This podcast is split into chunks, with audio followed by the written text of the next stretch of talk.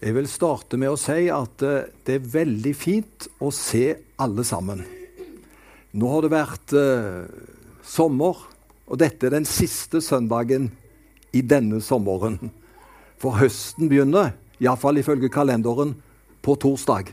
Da går vi over til september. Men jeg håper vi har alle hatt en god sommer der du har vært. Og så er det veldig godt at vi kan møtes igjen. Jeg må si at eh, det er flott også med oppstart, og at vi kan stå sammen om noe som er så viktig for oss alle. Så eh, fint å se dere, og vi skal se hverandre ofte utover. Det tror vi. Jeg har fortalt en historie her før, men uh, dere har glemt den.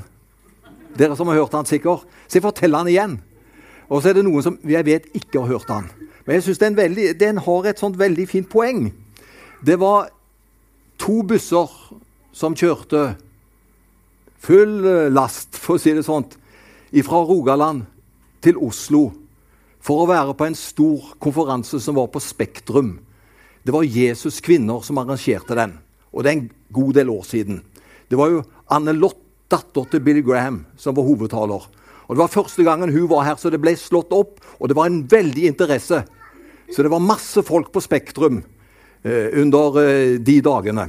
Og så som sagt, Det var to busser fra Rogaland, én fra Haugesund, som dekte nordfylket og, og, det sørlige Hordaland, som det het da.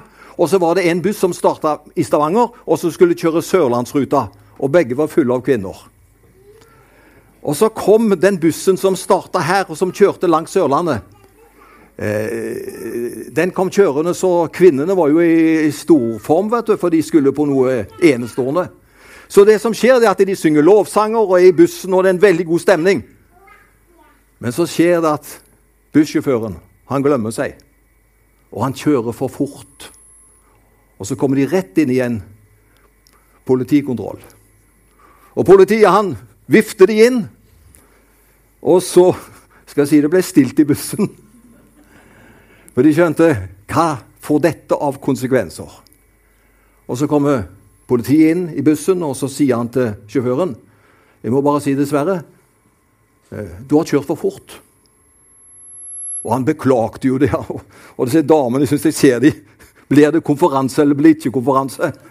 For de syns jo dette var litt sånn pinlig også. Og så eh, kommer det bare ut av bussjåføren. Kan du ikke være så snill å gi nåde for rett? Men det, man skal jo ikke gjøre det i sånne sammenhenger. Men han var alene, politien, så han sier jeg skal, jeg skal tenke meg litt om. sa han. Og så går han ut av bussen, og så har han noen eh, tanker med seg sjøl. Og så kommer han inn igjen, og så sier han denne gangen skal det gå, sa han. Men du må love meg å kjøre veldig anstendig og riktig resten av turen. Ja, det skal jeg love, sa da den lykkelige bussjåføren som fikk lov å ta med seg folka videre. Men da var jo han bussjåføren jo også var en kristen. Så han eh, ble da veldig oppmuntra, vet du. At det gikk så bra. Og så sier han til politiet Du, hvor fort kjørte jeg? Vet du hva politiet svarte? Det er skjult i nåden, sa han. Så jeg tror den politien også må være kristen. Så han sa at nei, det nevner ikke mer, det er skjult i nåden. Og jeg har bare lyst til å si det som en starthilsen. Jeg er glad for at det er noe som kan være skjult i nåden, og som kan bli værende der. Og så trenger vi ikke ta det med oss videre. Når vi har fått tilgivelse, og det blir i nåden, så ikke ta det opp igjen. For det er bare dumt. Men det som er skjult i nåden, det er veldig bra.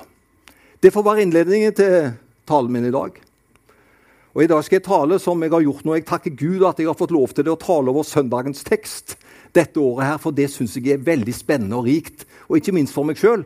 For da slipper man å falle i sånne kjepphester som man gjerne har. Favoritter som man kommer tilbake til og kommer tilbake til. Nå er det en ny mark hver gang, for det er en ny tekst. Og det er en utfordring for meg. Og så er det noe som jeg tror jeg er bra for oss alle. For denne tekstrekken den er veldig god. Jeg vil berømme de som har satt opp den. Den er altså kjempebra. Og teksten for, dag, for i dag den har allerede Ingrid lest. Det er om den samaritanske kvinnen som kommer til brønnen midt på dagen for å øse vann. Overskriften på talen min i dag det er 'skam'.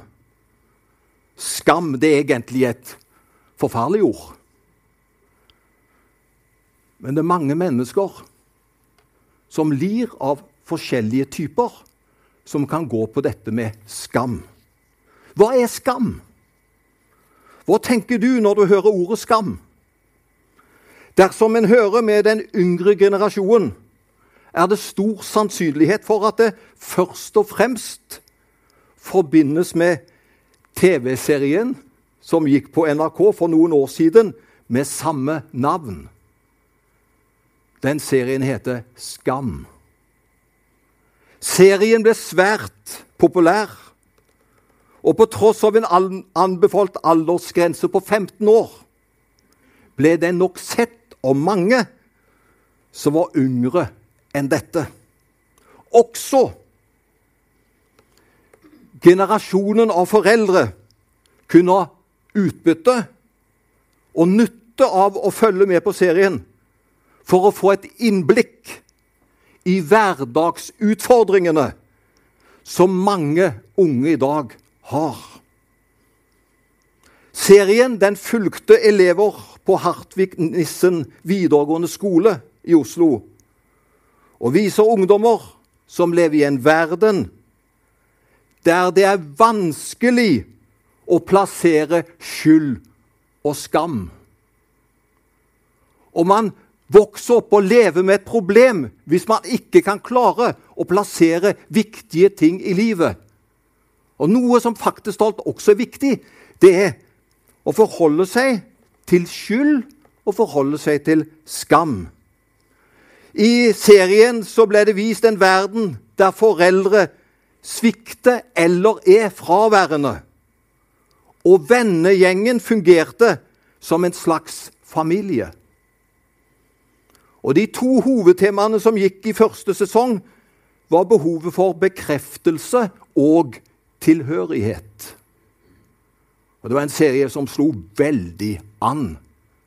For den rørte ved følelser og tanker som mange sitter med, og midt i en ungdomssetting. Jeg måtte jo slå opp i Store norske leksikon og få sjekke opp hva er definisjonen på skam. Og da skal du høre hvordan leksikonet beskriver hva er skam.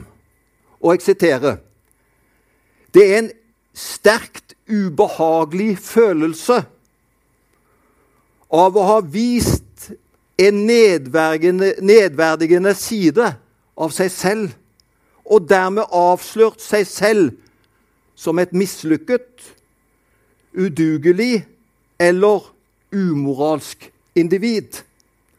Skam er knyttet til individet og opptrer når man føler at en selv er dum eller moralsk uakseptabel.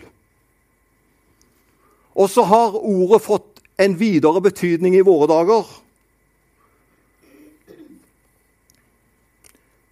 Skam det er assosiert med vanære, unåde, fordømmelse. Og så kan vi alle kjenne på det noen ganger.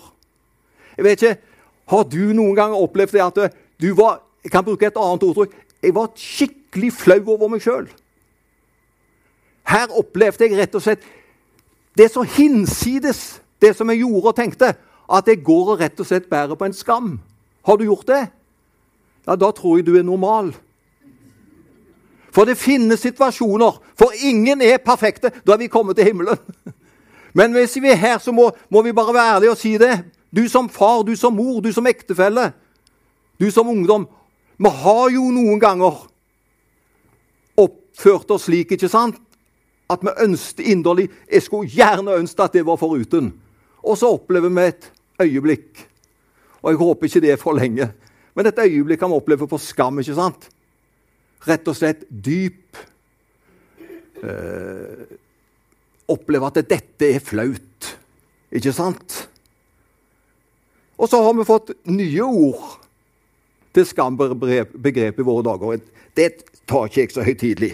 Men det er noe faktisk alt i dag som heter flyskam. Eller kjøttskam, til og med. Og lignende ord.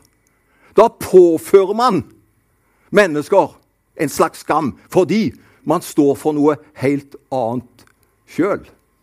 Den skammen tror jeg vi kan godt leve med. Fordi det kan være så ureflektert at man bare plutselig blir kasta på seg en etikett.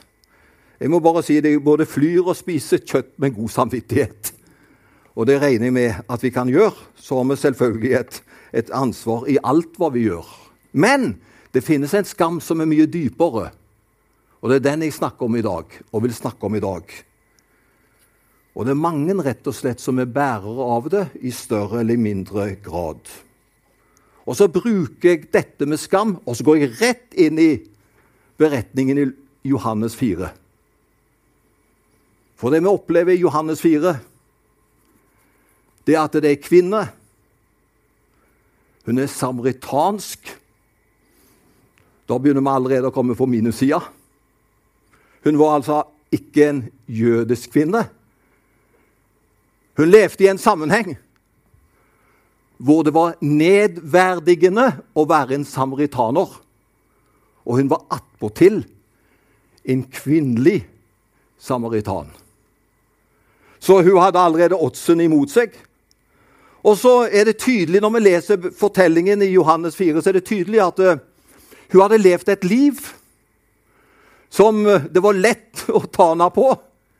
Det var lett å påføre henne skam. Og det var også lett for henne å få skam.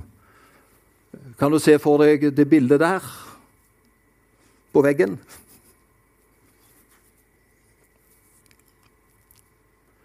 Hun hadde levd et slikt liv at uh, hun klarte ikke å ha kontroll på følelseslivet sitt.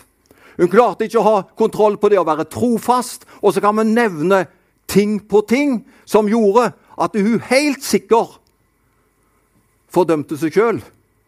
Hun hadde skam i sitt eget liv pga. det hun hadde gjort. Og kanskje like ille var at hun visste at andre møtte henne med den samme skammen.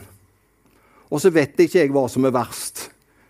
Jeg tror kanskje det er like ille begge to, den skammen som vi påfører sjøl, og den skammen som andre kan påføre oss. Det er ille begge deler. Jeg syns denne beretningen som vi har i dag, er et fantastisk utgangspunkt. Hør til å fortelle hvordan Jesus er. For det er det viktigste. Det er Jesus som er i sentrum. Vi får et fantastisk inntrykk hvordan Jesus er i den beretningen. Om ei kvinne som er full av skam. Og så forteller det ikke bare hvordan Jesus er, men det forteller hvordan Jesus reiser opp alle mennesker og gir mennesker et menneskeverd. Det er nesten som jeg hadde hatt lyst til å si nå klapper vi for Jesus, men det trenger vi ikke gjøre. Vi har gjort det allerede. Men jeg må si, er det noen det er verdt å klappe for, og bli begeistra for, så er det jo Jesus Kristus. For en holdning! Hvordan han møter mennesker, det enestående. Og så går han til denne kvinnen. For kvinnen går til brønnen på et tidspunkt hvor hun er nesten garantert å være der alene. For det er på det heteste tidspunktet på dagen. Midt på dagen går hun, for da vet hun jeg får være i fred. Jeg slipper å møte de blikker som påfører meg skam. Og jeg har nok, mer enn nok med min egen skam. Så går hun på et tidspunkt hvor hun er alene. Iallfall i håp om å være alene. Men så skjer jo det. Vi kjenner beretningen. Plutselig så er det en mann som er der. Og den mannen der Han er for det første en mann, og det er jo ikke bra for en kvinne. Og for det andre så er han en jøde. Og da skulle det være totalt vanntette skott mellom den kvinnen og den mannen som er der. For det var så mye som skulle skille de to. Og så er det at Jesus kommer henne i møte, denne kvinnen full av skam. Og så skjer det noe utrolig. Gjennom den samtalen så skjer det en totalt forvandling. I tillegg at han var en mann, så er det jo utrolig. Han vet jo alt om henne! Er det ikke utrolig? Så hun blir helt, både mentalt og på alle måter, slått over ende. Jeg tror hun var oppreist, men hun var allikevel slått over ende. For han er en mann, han er en jøde, han snakker til meg. Og i tillegg han vet jo alt om meg. Og Derfor sier denne kvinnen i teksten i senere Mon tro om ikke han må være Messias? For hele livet mitt er blitt åpenbart. Og det som er så utrolig gjennom alt som blir åpenbart, så viser han henne respekt. Han viser henne verdighet. Han ønsker, han viser faktisk at han vil være med henne gjennom livet. Er det ikke utrolig? Et sånt menneske. Men så vil Jesus være med henne gjennom livet. Og så løper hun av gårde. Fordi gjennom møtet med Jesus så blir hun oppreist. Hun blir befridd ifra det som har plaget henne. Og nå er hun et menneske som tør å møte andre uten å skjule seg for dem. For, hun skjulte jo seg ikke når hun kom tilbake til byen. Tvert om. Hun går til det og sier, 'Kom til han som har fortalt alt om meg.' Han skulle vel ikke være Messias? Det var ingen frykt nå, det var ingen skam nå.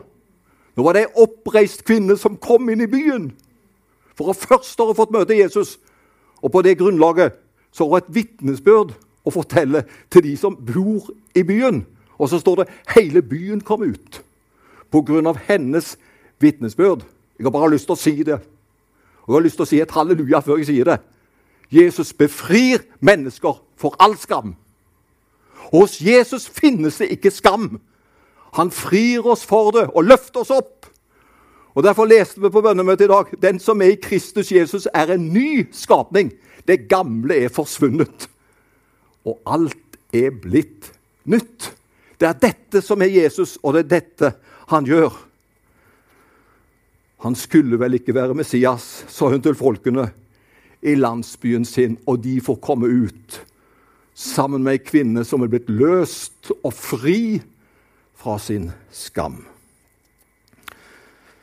La meg trekke fram noen få punkter fra teksten. 1. Kvinnen ble stilt ansikt til ansikt med seg sjøl. Hør, det begynner med oss sjøl, ikke med de andre. Har ikke vi lett for å adressere ting videre til de andre. Du skjønner, Det begynner ikke med de andre. Det begynner med deg, og det begynner med meg. Og Hun ble stilt ansikt til ansikt med seg sjøl. Og Jesus, han, eh, han, eh, han var jo ikke unnlatende. Han forteller sannheten. Du har hatt fem menn, sier han. Så han, han pynta jo ikke på det. Men han gav henne muligheter til å bli fri så at hennes liv skulle bli annerledes. Punkt nummer to. Kvinnen ble helt paff over Jesu evne til å se inn i hennes hjerte. Han kunne virkelig se inn i hennes hjerte. Og i Salme 139 Jeg kunne jo kjøre ut det, men jeg bare sier det. Hvis du vil følge opp dette, så er det Salme 139 i Bibelen. Der står det at han kjenner til alle våre tanker.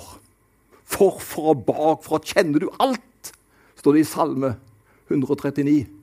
Det er en sånn en frelser vi har, som vet om alt, som kjenner til alt. Hvorfor skal vi da skjule ting, venner? Det er bare tull å skjule ting. Han vet jo om det! Men han vet om det i nåde. Og når vi kommer til Jesus, så blir det slik som han sikker kristne politimann sa det er skjult i nåden. Når det er skjult i nåden, så eksisterer det ikke lenger.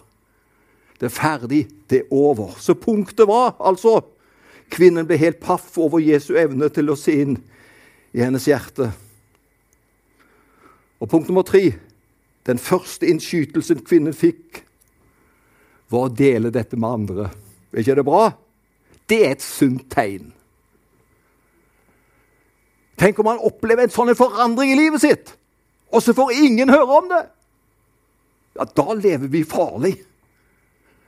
Men det første innskytelsen hun fikk, det var dette må jeg dele med andre. Og det fjerde For disse punktene tar jeg fort. Det hun hadde opplevd, løste henne og fridde henne fra sin skamfølelse. Hun var blitt en ny skapning. Er ikke det flott? Det er søndagens tekst. Det er flott. Det er evangeliet. Og så skal jeg avslutte. Så da kan Ingrid tenke at om tre minutter så er det hennes tur med en sang til slutt. Skam er overskriften. Og Jesus som løser ifra skam. Kjære Jesus. Det var en annen som hadde grunn for skam. Og det plaga han natt og dag. Vet du hvem vi tenker på? Paulus. At han forfulgte de kristne og satte de i fengsel. Han ble aldri egentlig kvitt det. For de var, derfor kan han si, av alle Guds syndere så er jeg den største. Så han så på seg som den verste av alle. Hvorfor det? da? Fordi han hadde forfulgt Guds menighet. Det plaga han som pesten. Så var det en som virkelig hadde grunn til skam pga. sitt liv, så var det Paulus. Men vet du hva han sier i Romerne 1? Han sier 'Jeg skammer meg ikke over evangeliet', for det er en Guds kraft til frelse for hver den som tror. Han hadde grunn til skam, men var han kommet over, for han har fått sett hva Jesus hadde gjort i livet hans. Og Derfor kan han si det så mektig. 'Jeg skammer meg ikke over evangeliet', for det er en Guds kraft til frelse for alle som tror. Er det noen som skal ta en runde med Jesus? Du trenger ikke noen runde med meg eller med noen mennesker, for det, men ta en runde med Jesus i forhold til dette med skam. Ting som gjør at du har ligget unødig nede for telling, som vi sier. Og det er unødig. For det er en som har løst oss, kjøpt oss fri. Og det er en som gir oss oppreisning. Og det er Jesus Kristus. Så Vær frimodig. Jeg synes Det var veldig bra det du sa når du sa at noen bør reise seg, og noen bør kanskje sette seg. Det var flott sagt, det. Men det er mange som trenger å reise seg. De fleste trenger å reise seg, og så er det noen som er Tordenskjold 110% De kan sette seg litt og trenger litt hvile. Men de fleste kan jo få lov å reise seg som nye skapninger i frimodighet. Han har tatt skammen på seg. Det er det som er evangeliet. Og så er det fint når møtet er slutt nå, så er det en forbønnsstund inni kroken der. Og det er alltid godt å bli bedt for. Så det er en anledning som du har. Herre, takk at vi får komme fram for deg. Takk for denne kvinnen som egentlig hadde alle odds imot seg. Men så kom hun ut for å hente vann, og så ble jo du redningen hennes.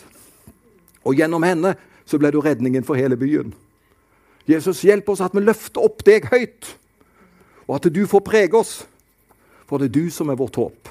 I Jesu navn. Amen.